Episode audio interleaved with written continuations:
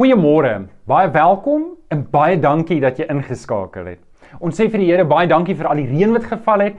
Is wonderlik en ons sien uit vir nog reën en ons bid saam vir nog reën. Ons sê vir die Here dankie. Ek sien op 'n stadium het Sutherland minimum en maksimum temperature gehad van -8, -1 en ek is so lus om te gaan sneeu kyk. Ek kan dit self nie glo nie. Vriende, ek verlang na jou. Ek wens ek kon jou weer sien. Asseblief maak kontak, eh, maak kontak met die kerkkantoor. Jy het my selfoonnommer. Um ons verlang na jou. Ons wil graag van jou hoor en in hierdie tyd ook as daar op enige manier is wat jy nooit beleef, laat ons weet want ons wil graag vir jou bystaan um op hierdie stadium. Domie Chris se nommer was in die SMS. Jy kan direk met hom kontak maak indien jy op enige manier nood beleef. Vanoggend gaan ons aan met ons Openbaring reeks. Ons kom by die val van Babylon. En ek hoop jy het Openbaring 17 tot 19 by die huis gelees. Vanoggend gaan ons kyk na 'n paar vrae. Wie is hierdie verskriklike, verskriklike mooi en aantreklike vrou? Waarom is dit dat Johannes homself so verwonder terwyl hy na die vrou kyk? Waarom sit sy op hierdie op hierdie dier met die sewe koppe? En wat het dit alles te doen met vandag? Hierdie en nog vrae is waarna ons ver oggend gaan kyk. Kom ons sluit hierdie oop, dan bid ons saam.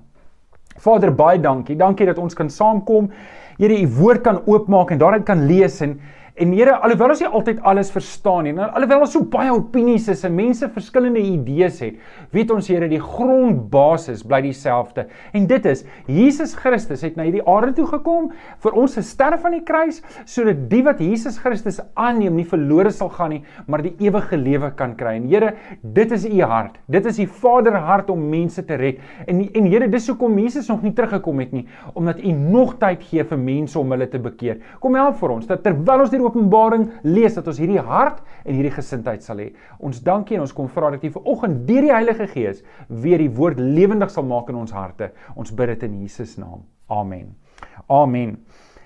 Ons is besig met um, ons reeks oor Openbaring, the Christian Traveller's Guide through this broken galaxy en dis presies wat Openbaring is. Ons kom vandag by deel 6 en Openbaring is geskryf vir mense in 'n baie spesifieke tyd wat baie swaar gekry het, onder vervolging deurgegaan het en Openbaring is eintlik maar net 'n traveller's guide vir Christene wat deur hierdie stikkende wêreld moet gaan. En ek hoop jy beleef dit ook so. Ek hoop jy word bemoedig uit die woord van die Here. Vriende, ek probeer elke week net begin met ons eksegetiese beginsel dat jy net sal verstaan hoe ons Openbaring uitpak en terugpak en um, dan sê jy weet hoekom ons kom by die konklusies waar ons uitkom. So die eerste die eerste ding wat ons net weer herinner wil as ons eksegetiese beginsel, ons vra die vraag: Wie is die skrywer en wat was sy bedoeling? In hierdie geval was dit Johannes die apostel en hy skryf 'n uh, boodskap. Dan die tweede vraag wat ons vra is wie is die ontvanger? Ons het mekaar gesê dis die sewe gemeentes. Julle sal onthou laasweek het ons ook vir mekaar gesê Openbaring wat soos 'n veldbrand versprei deur die deur die heidense ag deur die um ou kerk daai tyd en en die mense het het het het het almal Openbaring gelees en dit was van toepassing op hulle. So dit was die ontvangers en die derde ene wat ons moet vra is wat is die basiese boodskap? Waarom is dit geskryf? En dit is wat ons probeer ontpak in hierdie tyd. Nou, ek wil net weer praat oor die woord apokalipsis. Apokalipsis beteken nie eindtyd voorspelling nie. Dit beteken nie um eindtyd of wederkom selfs nie. Apokalipsis beteken net dit wat geheim is word oopgemaak. Dit wat onbekend is word bekend gemaak. Nou, as ek 'n voorbeeld kan gebruik wat ek elke week gebruik, as jy in die badkamer staan en jy kyk deur die badkamer venster, dan sal jy opmerk jy kan jy kan groen sien, jy kan grys sien, wel soos die laaste naweek nou sien jy net donker bo. Jy weet nie wat dit is, dit is net donker. En dalk sien jy wit. Ek weet nie waar jy is nie. Dalk sien jy wit buitekant. En as jy die venster oopmaak, dan kan jy sien, o, daar lê sneeu op die gras en dis donker wolke in die lug en daar's die groen boom en die swembad dalk as jy so by die badkamer venster uitkyk. Nou oké, okay, daai aksie van hom oop te maak om te ek kan nie sien wat dit is nie, maar nou kan ek sien dit is apokalipsis om onbekende goed bekend te maak. En dis presies wat God doen. God wys vir die gemeente, hulle kyk net die goed en hulle verstaan nie wat om hulle besig is om te gebeur gebeur nie en die Here gee vir hulle net uh, uh, die gordyne bietjie oopgemaak dat hulle kan sien wat in die hemel afspeel terwyl al hierdie goeie so stikkend is om hulle. So dis die eksegetiese beginsel. Ek wil jou ook net herinner daar's drie tipes beelde in Openbaring. Die eerste tipe beeld is beelde wat gewortel is in die Ou Testament en um, en ons het baie tot dusver teruggegaan na die Ou Testament en daai beelde net weer gekyk na. Die tweede uh, tipe beeld is 'n beeld wat in hulle tyd uh, wat wat hy verduidelik wat nie bekend is dalk in die gehoor nie, maar ook nie in die Ou Testament nie. Dan sal jy dan sal Johannes sê, hierdie beeld is dit. Die engel sal sê, hierdie beeld beteken dit vir oggend kyk ons weer na so 'n beeld. En die derde tipe beeld is 'n beeld wat 90 na Christus, 96 na Christus bekend sou wees. Dit was in hulle konteks, dit was in hulle kultuur en hulle het verstaan waar dit gaan. Ek dink 'n belangrike ding wat ons hier vir mekaar moet sê is is dat nie net die eerste 3 hoofstukke is geskryf vir die sewe gemeentes nie. Die hele Openbaring is geskryf vir die sewe gemeentes. En ons moet as te ware hulle skoene aantrek. Ons moet hulle skoene aantrek as jy net vir ons Andrei um net die plakkies kan aansit, die sandale. Ons moet hulle sandale aantrek en probeer sê wat sou hulle verstaan as hulle Openbaring 13 lees, as hulle Openbaring 17 lees, as hulle Openbaring 19 lees. Wat sou hulle verstaan en dan moet ons dan moet ons daaruit die boodskap probeer vasmaak. Die derde tipe beeld waarna ons gaan kyk, het ons gesê is 90 na Christus, um sou hulle verstaan het. Nou oké, okay, hou die volgende goed in gedagte wanneer ons deur Openbaring gaan meeste van die van die goed wat ons raak lees is simbolies en is beelde en ons moet dit ook so hanteer. En hierdie beelde is oor die 2000 jaar oud en ons moet dit so interpreteer en so verstaan. amper met handskoene aanpak. En dan die laaste ding is hierdie goeters is simbolies en ons moet dit in gedagte hou dat dit simbolies is. Nou, kom ons gaan aan. Ons kom by deel 6. Ons het nog 3 dele oor. Um Ons kom by die val van Babylon. Kom ons lees saam in Openbaring 17. Ons gaan saam lees vanaf vers 1 tot 7 en ons kom by die vrou Babylon. Kom ons lees saam vanaf vers 1. Toe het een van die sewe engele wat die sewe bakke het gekom en vir my met my te praat. Hy sê kom, het hy gesê. Ek sal jou wys hoe die oordeel voltrek word oor die berigte sedelose vrou wat by die waters bly. En met wie die konings van die aarde onsedelik verkeer het. Die bewoners van die aarde het dronk geword van die wyn van haar onsedelikheid. Nou pos hy daar, hierdie vrou is die ou vertaling dink ek verwys na 'n prostituut. So net julle weet dis hierdie is 'n verskriklike onsedelose sedelose vrou. Vers 3. Um lees ons: Ek is toe die Gees meegevoer en die engel het my na die woestyn toe geneem. Daar het ek 'n vrou gesien wat op 'n helder rooi dier sit. Die dier was oortrek met God lasterlike name en het sewe koppe en 10 horings gehad. Die vrou was uitgedos in pers en helder rooi klere en opgetooi met goud, edelstene en parels. In haar hand het sy 'n goue beker vol losbandigheid gehad, die onreinheid van haar onsedelikheid. Op haar voorkop was haar 'n naam geskryf en het 'n verborgde betekenis. Die naam was die groot Babylon, die moeder van die van die sedeloses en van die losbandigheid op aarde.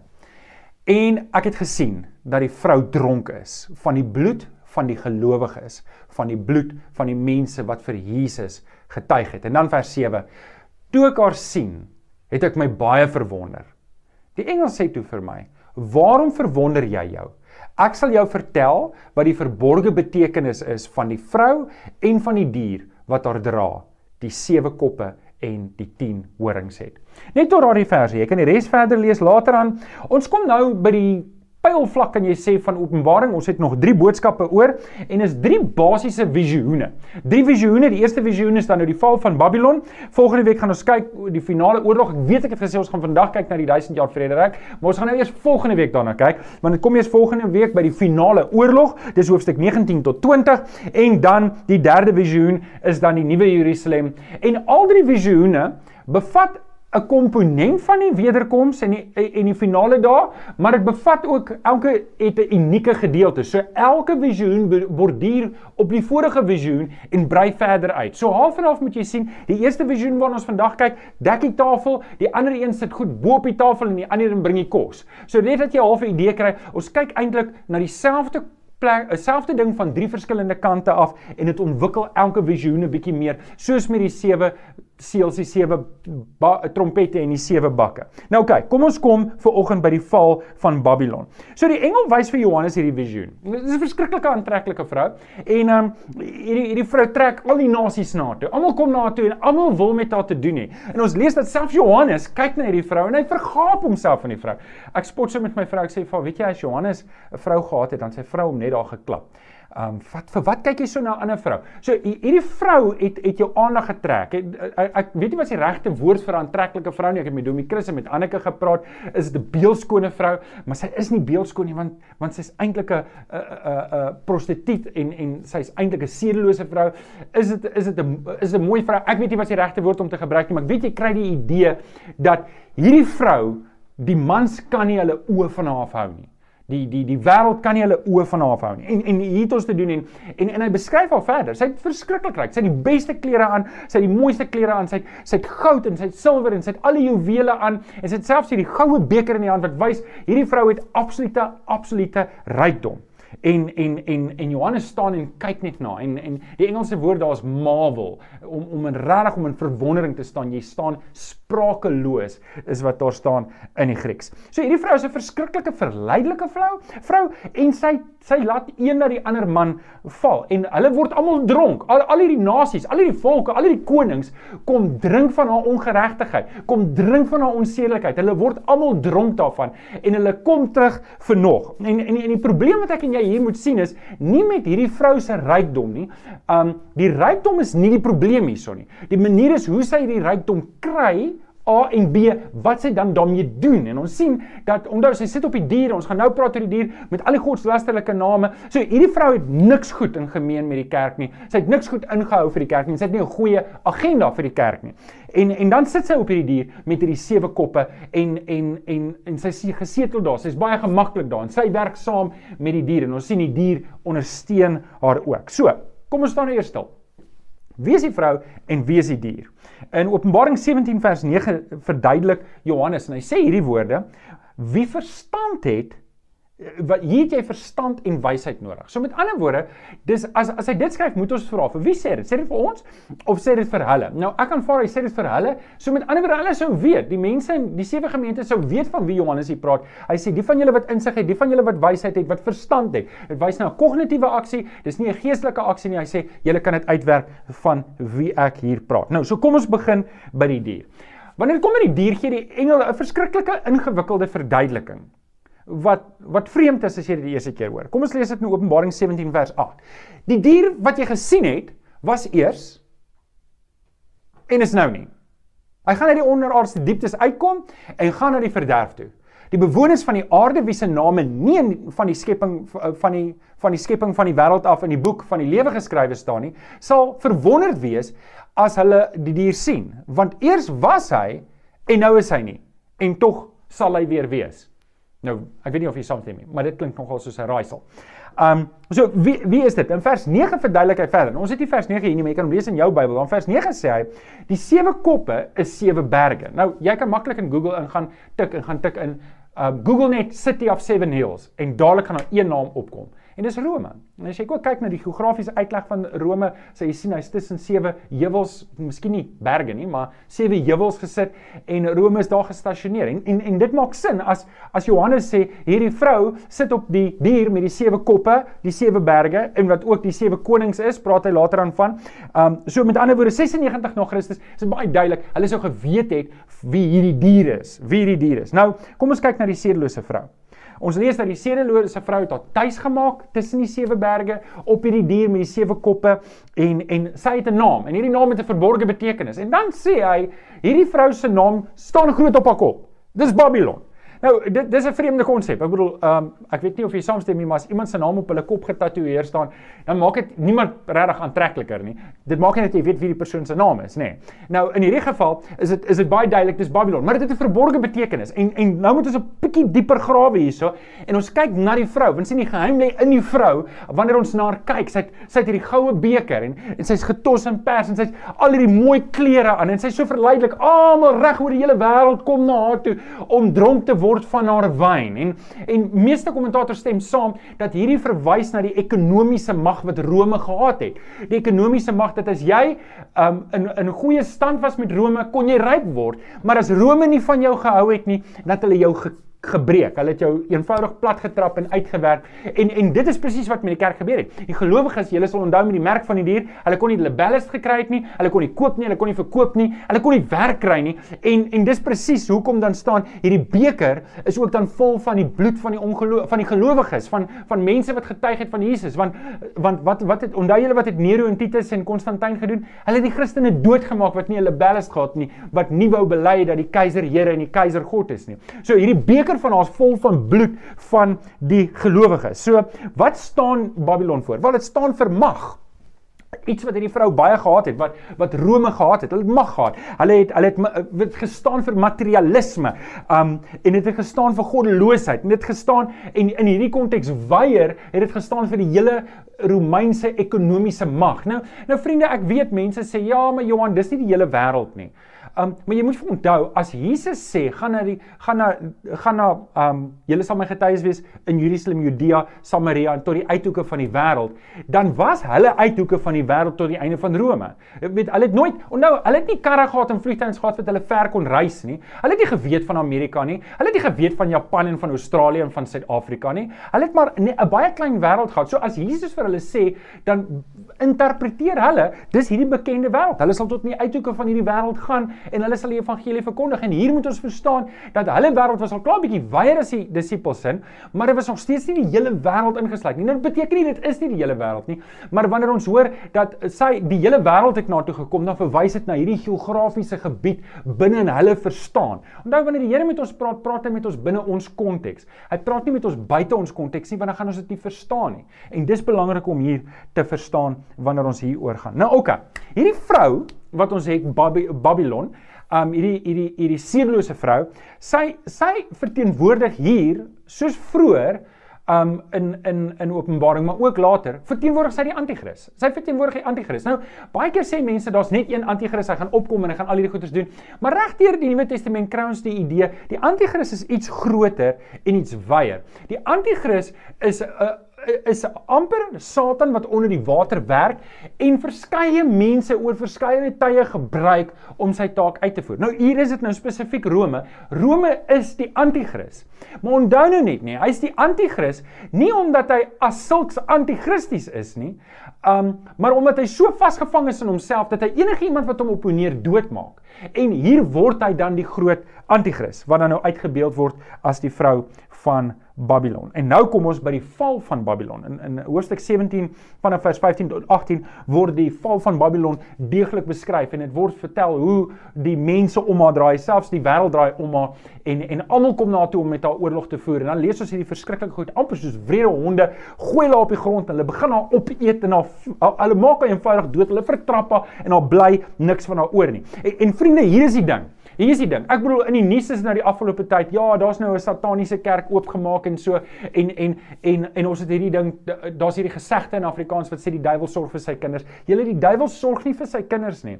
Jy kan vir Nero gaan vra. Gaan vra vir Nero of die duiwel vir sy kinders sorg. Gaan vra vir Titus of die duiwel vir sy kinders sorg. Gaan vra vir Domitianus of die duiwel vir sy kinders sorg. Gaan almal gaan vir jou sê, gaan vra vir Babylon. Gaan vra vir die seerlose vrou of die duiwel vir sy kinders sorg. En vir jou sê nee nee nee. Hy sorg vir sy kinders nie. Hy vertrap hulle. Hy gebruik hulle, mis hy mislei hulle en hulle dink hulle hulle te lewe vir 'n kort tydperk, maar eintlik is hulle slawe van sy plan. En hier is dit presies presies dieselfde. So die vrou het geval, sy's dood. En dan lees ons die konings huil oor haar. Die konings huil oor haar want onthou die konings het hulle mag gekry. Nou uh, wie is die konings hierso? Wel, dit is nie onbekend dat daar verwys is na die na die keisers as konings nie.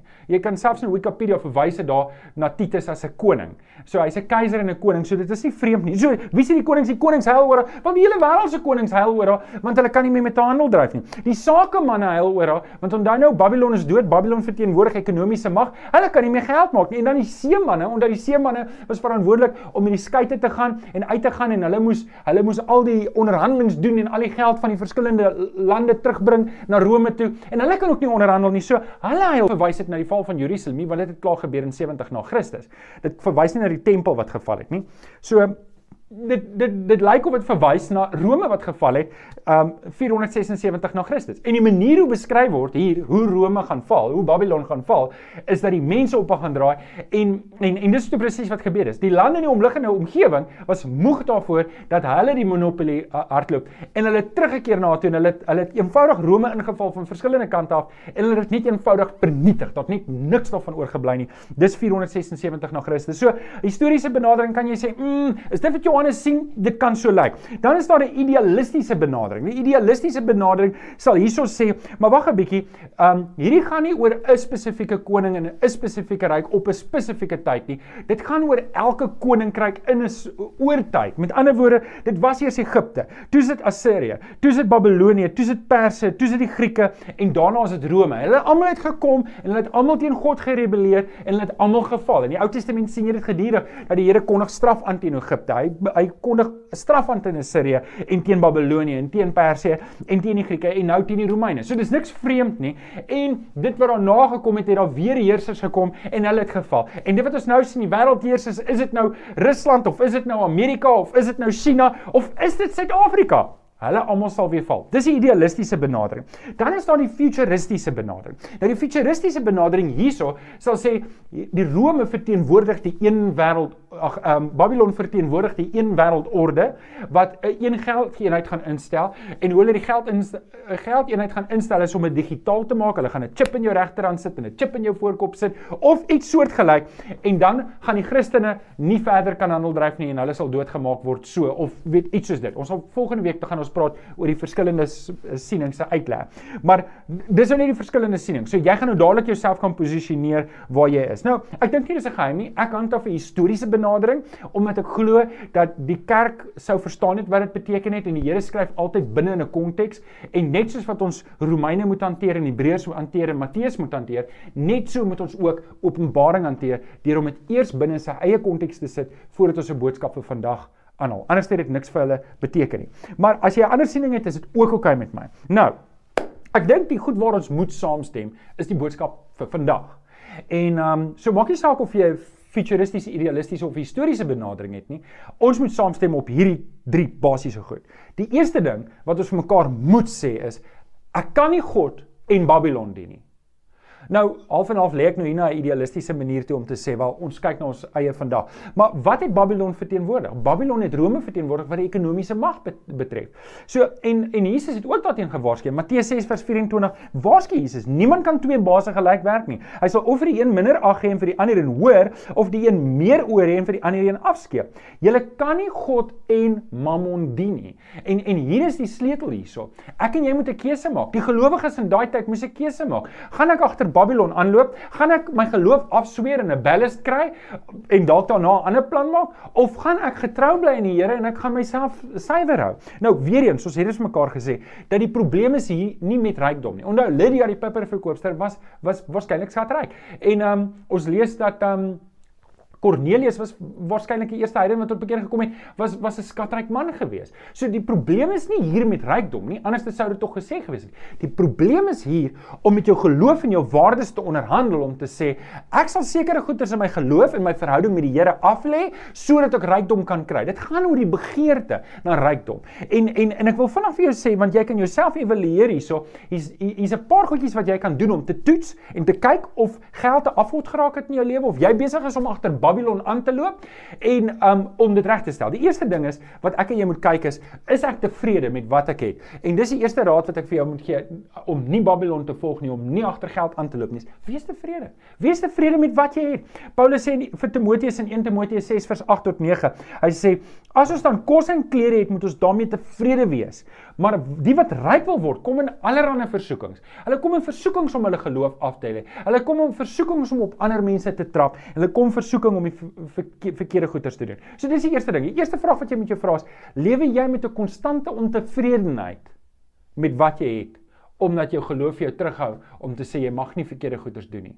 Daai is die brug. As jou antwoord ja is, dan moet jy weet jy's besig om agter Babylon aan te loop. OK, die tweede ene. hoe oorwin ek? Hoe oorwin ek en maak ek seker dat ek nie agter Mammon of agter Babylon aanloop nie. Wil belê in die koninkryk. En Jesus het dit so duidelik gesê, moenie jou geld belê en jou skatte belê waar rot en um rot en kakkerlak en roes en alles dit kan opvreet nie. Moenie jou geld daar belê nie. Moenie jou goed daar belê nie. Belê dit in die koninkryk waar rotte en motte dit nie kan opvreet nie. Belê jou geld in die koninkryk waar waar jy weet dit het ewigheidswaarde. En waarvan praat Jesus daar? Wel, Jesus maak dit duidelik. Jy moet jou geld belê op 'n plek waar jy weet ander mense kan saam hemel toe gaan. Jy moet jou geld belê. So elke keer wanneer jy geld gee vir die Gideons, dan moet jy weet jy belê geld. Dalk nie in in aandele nie, dalk nie in eiendom nie, maar jy belê dit op 'n plek wat jy weet ander mense staan 'n kans om Jesus te ontmoet en hom te leer ken. En vriende, ek wil vir julle dankie sê vir julle wat so mooi mooi bydra by die gemeente en finansiëel bydra. Elke elke keer wanneer jy geld oorbetaal in die kerk se rekening in, dan moet jy vir jouself sê, ek is besig om te belê in die koninkryk en dis presies waarvan Jesus praat. En ouens, ek wil vir julle so dankie sê. Dankie dat julle ons in staat stel. Dankie dat julle ons in staat stel om vir die Here te werk op hierdie manier en jy is 'n vernoot met my. En, en ek wil namens die Here vir jou kom dankie sê dat jy op hierdie manier saam met my werk in die koninkryk. En die Here sien dit raak. Die Here sien dit raak dat jy bereid is om te belê in die koninkryk. Paulus sê in 2 Korintiërs 9 vers 7: Elkeen moet gee soos hy in sy eie hart voorgenem het. Met ander woorde, ons moet dit nie uit teesin of dwang doen nie, want God het 'n blymoedige gewer lief. OK, dis die tweede een. Die derde een. Maak Jesus jou nommer 1. Maak Jesus jou nommer 1. Kyk na jou lewe. Onthou daar waar jy die meeste tyd spandeer, dis was waarskynlik jou jou jou afgod in jou lewe. Nou, okay, ek weet jy spandeer meeste tyd by die werk want jy sê vir my sê Johan, as ek nie hoef nie, dan sou ek nie. um maar maar ek praat nie oor werk nie, ons moet werk. 6 dae sal ons werk en die 7de dag sal ons rus. Maar hierdie gaan oor oor 'n gesindheid. Waar's my hart? Aan wie behoort my hart?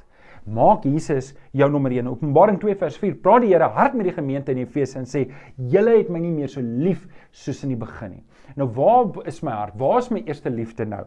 En ek kan kyk waar ek my tyd spandeer. Ek kan kyk waar ek my gedagtes spandeer. Ek kan kyk waar ek gaan kyk net waar wat jou search is in in Google. Gaan kyk net waar wat is jy die hele tyd op YouTube besig om te doen. En dan gaan jy vinnig agterkom waar jou waar jou hart eintlik is. OK. Nou, So ons het mekaar gesê wanneer ons by Openbaring kom waar ons moet saamstem, is ons kan nie Babylon aanbid nie. Die volgende ding waar ons moet saamstem is die finale oorwinning behoort aan die lam. Die finale oorwinning in ons lewe behoort aan die Here Jesus. En as jy in die Here Jesus is en ek is in die Here, as jy die Here Jesus aangeneem het, dan het jy oorwinning en jy kan oorwinning kry. Maak nie saak wat 'n ding daar is waarmee jy op hierdie oomblik worstel in jou lewe nie. Is dit sonde? Is dit verhoudings? Maak nie saak wat dit is nie. Die Here kan vir jou oorwinning gee daarin en jy moet staan in die Here op die oorwinning. So jy moet weet, ek en jy stap nie agter die wêreld aan nie. Ons stap agter Christus aan. Romeine 14 vers 11 sê: "So seker as ek lewe," sê die Here, "voor my sal elke knie buig en elke tong sal bely dat ek die Here is. Die Here Jesus gaan oorwinning kry oor die draak. Hy gaan oorwinning kry oor die vrou. En daar kom 'n dag wanneer alles soos wat ons dit nou ken, gaan tot 'n einde kom en dan gaan ons opgaan na die hemel toe. En ons gaan by die Here wees en ons gaan saam met hom bly wees. Rian het op 'n stadium gepreek uit 'n teks in 2 Korintiërs, hy dink ek, wat gesê het, ons prys die Here want hy neem ons saam op sy triomftog. Met ander woorde, nie net is die Here die oorwinnaar nie, maar hy vat ons saam op hierdie triomftog. Nou 'n triomftog is wanneer die koning in die stad inkom en die trompette blaas en die mense paniere en vla en almal is bly en opgewonde en dan stap die soldate saam met die koning in. En wat Paulus daar sê is ek en jy stap saam met die Here Jesus in. Ons is die oorwinnaars saam met hom. Hy vat ons saam op hierdie triomftog. En ouens, dis waarin ek en jy moet lewe. Ek en jy moet nou reeds lewe op hierdie triomftog dat mense Jesus in ons kan sien. En um 2 Korintiërs 11 vers 14 sê en hier is 'n waarskuwing. Hier is 'n groot waarskuwing. Satan doen homself voor as die engel van die lig. Nou nou net. Nee. Satan sou nie gevolg geword het as weet ek ek ek, ek lag baie keer in my mou as die mense Satan teken as hierdie gedrog beeld en hy het 'n weet hy het 'n bokkop met allerlei ek weet nie wat nie en kersse op sy ore. Ek weet nie wat se prentjies word alles geteken daaroor Satan nie. Dis nie hoe Satan lyk nie.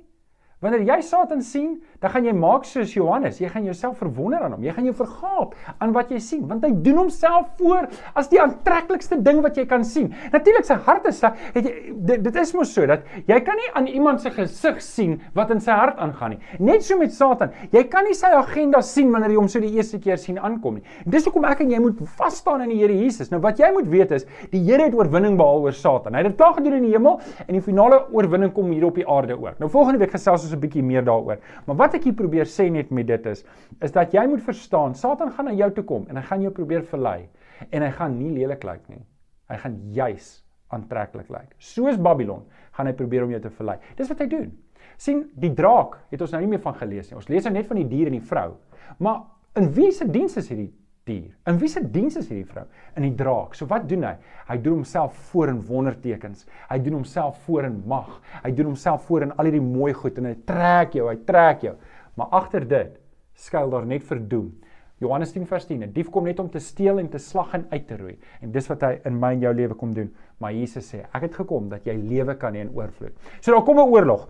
Armageddon en en het ons van gelees. Ons lees van die draak in die hemel en ons lees van die finale oorlog. En elke keer wen die Here die oorlog. En ek wil hê hierdie ding wat jy moet vashou. Hoor mooi. Dis nie 'n oorlog nie. Dis 'n slagting. Dis asof die vyand opdaag net om te verloor. Dis asof hulle opdaag en, en hulle kan nie eens weerstand bied teen die Here. Kyk met die slag van Armageddon as hulle daar opgestap kom. Hulle kom opgestap, maar dan wanneer die Here opdaag, dan verloor hulle net. Daar's nie eens regtig gestryd nie. Daar's nie eens regtig bloed wat loop van van die van van die gelowiges of van die Here nie. So, wat ek net wil hê jy moet verstaan, die Here se oorwel se oorwinning is so oorweldigend dat die vyand gaan net stil staan om te verloor. En en dis waar ek en jy moet weet. Ek en jy is aan die lam se kant en ons getuienis is deel van die oorwinning wat ons bereik in die Here. En en hiermee wil ek volstaan. 2 Korintiërs 2 vers 4. Maar aan God die dank. Daar's ons vers nou. Hy voer ons altyd saam in die triomftog omdat ons een is in Christus. Deur deur, deur ons versprei hy die kennis van Christus oral soos 'n aangename geur. Nou hierby wil ek stop. Dis ons taak nou. Dis ons taak. Onthou, ons elke week eindig ons met hierdie gedagte. Daar's daar's hierdie aankondiging van oordeel. Daar's hierdie aankondiging van oordeel. Nou nou wat moet ons hiervan maak? As ons nou en hiermee gaan ek stop. Hiermee wil ons huis toe gaan. Die die eerste oproep is ek en jy moet volhard. Ek en jy moenie nou moeg raak nie. Ons moet volhard. Ons het laasweek daarvan gepraat. Wie volhard tot die einde toe in Christus, dis hy wat gered word. En dalk dalk is dalk het jy nie volhard nie. Dalk as jy jouself evaluasie doen, het jy flou geword in jou geloof en jy het vervlou en jy weet, jy sit nou eintlik terug en en eintlik loop jy half en half agter Babylon aan. Want dan's my oproep vir oggend na jou toe. Jy moet bekeer. Jy kan nie so aangaan nie. Die Here wil nie dit hê nie. Hy's lief vir jou en hy wil hê jy moet kom. Romeine 2 sê, besef jy nie dat die Here jou deur sy goedheid tot bekering wil lei nie. En, en dan moet 'n dringendheid by my wees en en vergewe my, daar kom ek 'n bietjie hard oor, maar maar ek moet dit dalk vra en ek moet jou dalk in die oë kyk, maar wil jy verlore gaan? Wil jy dalk hel toe gaan? Weet, wil jy aangaan op hierdie pad terwyl jy weet waarheen dit op pad is? En, en dan wanneer ek jou oproep tot bekering, toe is nie omdat ek jou dreig met hel nie, glad nie, maar omdat ek jou wil vertel van die goedheid van ons Here Jesus wat aan die kruis gesterf het om jou te red. En my oproep is vanoggend na jou, asseblief man, bekeer jou van hierdie wêreld af. Bekeer jou van jou van jou grofwe leefstyl en van jou van jou sondigheid as dit is van toepassing op jou. Jy weet of die Heilige Gees met jou praat. En dan het ons 'n taak. En ek en jy moet uitgaan. Ons kan nie net hier staan nie. Hierdie hierdie aankondiging wat ons elke week kom wat die wat die oordeel van die van die eindtyd groter en groter en groter word is eintlik 'n oproep nie vir net vir die wêreld om tot bekering te kom nie, maar is 'n oproep vir my en jou om Jesus te gaan verkondig daar buite. Vriende, ag ek dis was sommer lekker om met jou te gesels het oor die val van Babylon en wat dit beteken. En volgende week gaan ons nou gaan ons nou na die twee laaste visioene kyk. Volgende week en die week daarna. Is my so lekker om Openbaring saam met jou te doen. En ek ek hoop jy geniet dit net soveel soos ek. Mag die Here vir jou seën. Weet jy al verskil ons 'n bietjie oor ons sienings en oor hoe goed te mekaar skakel. Ek dink nie dis wat belangrik is nie. Ek dink wat belangrik is is ek en jy moet saamstem op die finale boodskap. Jesus oorwin. Ek en jy het 'n boodskap. Ons moet die wêreld vertel en ons moet volhard tot die einde toe. Kom ons bid saam. Vader, ag u weet wie luister en waar elkeen is wat luister. Die Gees is betrokke. Here, dis my wonderlik om te dink dat mense gaan hierdie boodskap later luister en u gaan selfs daar wees deur die Heilige Gees om in mense se harte te werk. En ek kom vra, Here, dat u elkeen van ons sal seën. Kom trek ons nader aan u. Kom lei ons op hierdie pad. Here, u weet wie sit aan die ander kant van hierdie kamera en en en het nog nie 'n oorgawe gemaak nie. En, en ek kom vra, Here, dat u deur die Heilige Gees oortuiging sal doen. Here, om om om regtig um mense na U toe te trek. Maar Here vir ons wat gelowiges is, dat ons 'n dringendheid in ons harte sal hê om Jesus te verkondig aan hierdie verlore wêreld. Ons dankie en ons bid dit in Jesus naam. Amen.